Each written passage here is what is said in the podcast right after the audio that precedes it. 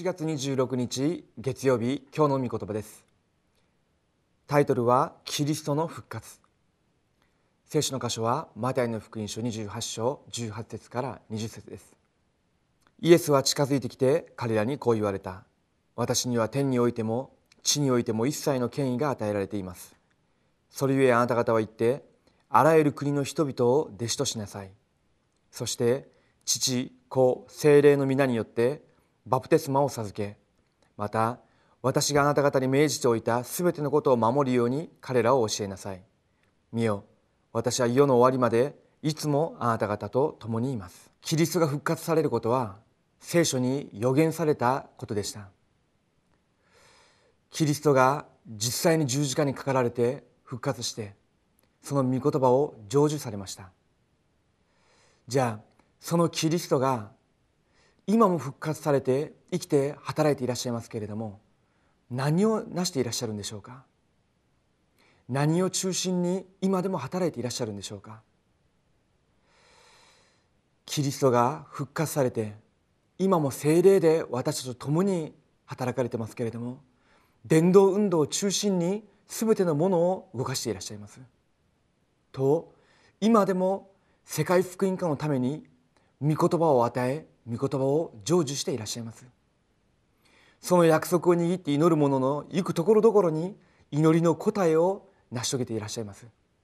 それであれば今日私たちがこの朝も今日の御言葉今日の祈り今日の伝道を少しだけ探し出すんであればキリストの復活の力を体験できるようになっています。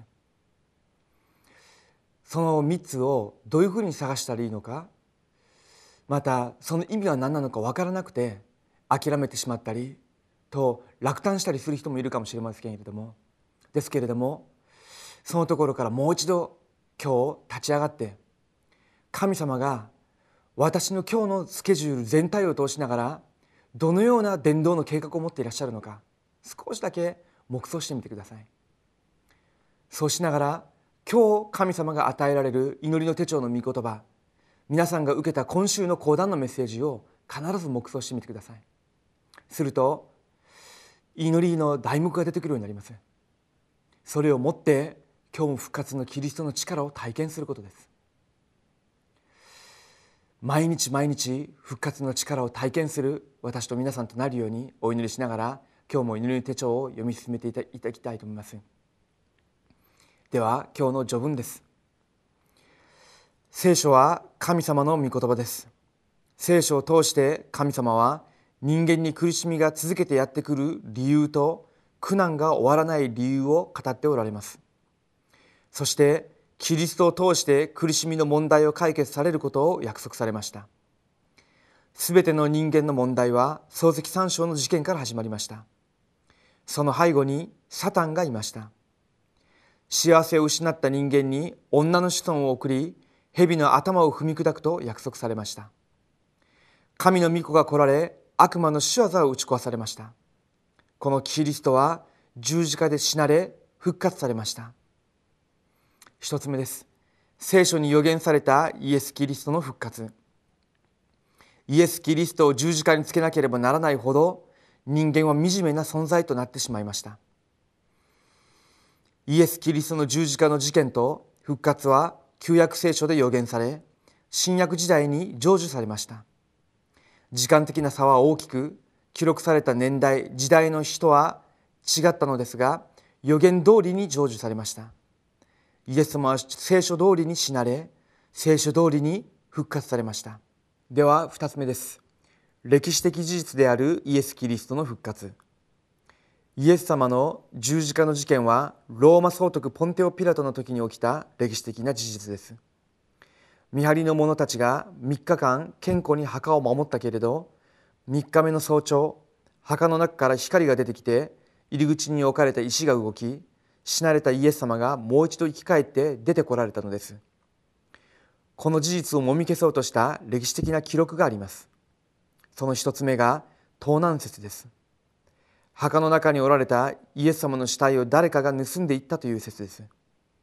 二つ目は兵士たちが他の人をイエス様と見間違えたという幻想説です。最後にイエス様が十字架で死なれたのではなく気絶したという気絶説があります。この3つの仮説はイエス様が復活されたという確かな証拠になります。3つ目です。救い主という証拠で復活されたイエス・キリスト。キリストの復活は暗闇の勢力を打ち砕く唯一の命の事件です。弟子たちも信じられなかったことでしたが復活されたイエス様が自ら弟子たちに会われました。パウロもイエス様が十字架で死なれ復活されなければならない確かな理由を知って証ししました。暗闇とハデスの力を打ち砕いて神様に出会う新しい道を開いてくださり命へとあがなってくださいました。復活されたイエス・キリストが信じられるのならそれがまさに精霊の働きと恵みです。十字架の贖いの地が私の人生と関係があるようになります。復活された主の御声を聞かなければなりません。今日も復活されたキリストを味わう私と皆さんとなるように共にお祈りしたいと思います。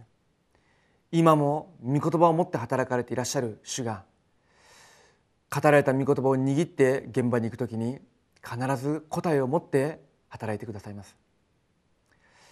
では今日のフォーラムの次第です。キリストの復活とキリストの命が私の心と思いと魂を日々作り変えてくださるよう求めましょう。お祈りします。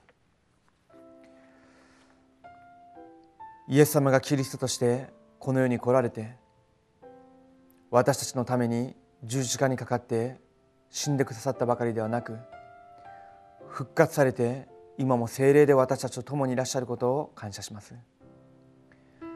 復活されたキリストの力を今日も体験させてください。私たちの伝道者の歩みを通しながら御言葉を握り祈る中で生活のすべての部分に復活されたキリストの働きを体験させてください。精霊が私たちと同行し精霊が私たちの現場に働かれる。そのことを体験する一日となるように神様が私たちに恵みを与えてください。生きとられるイエス・キリストの皆によってお祈りします。アーメン。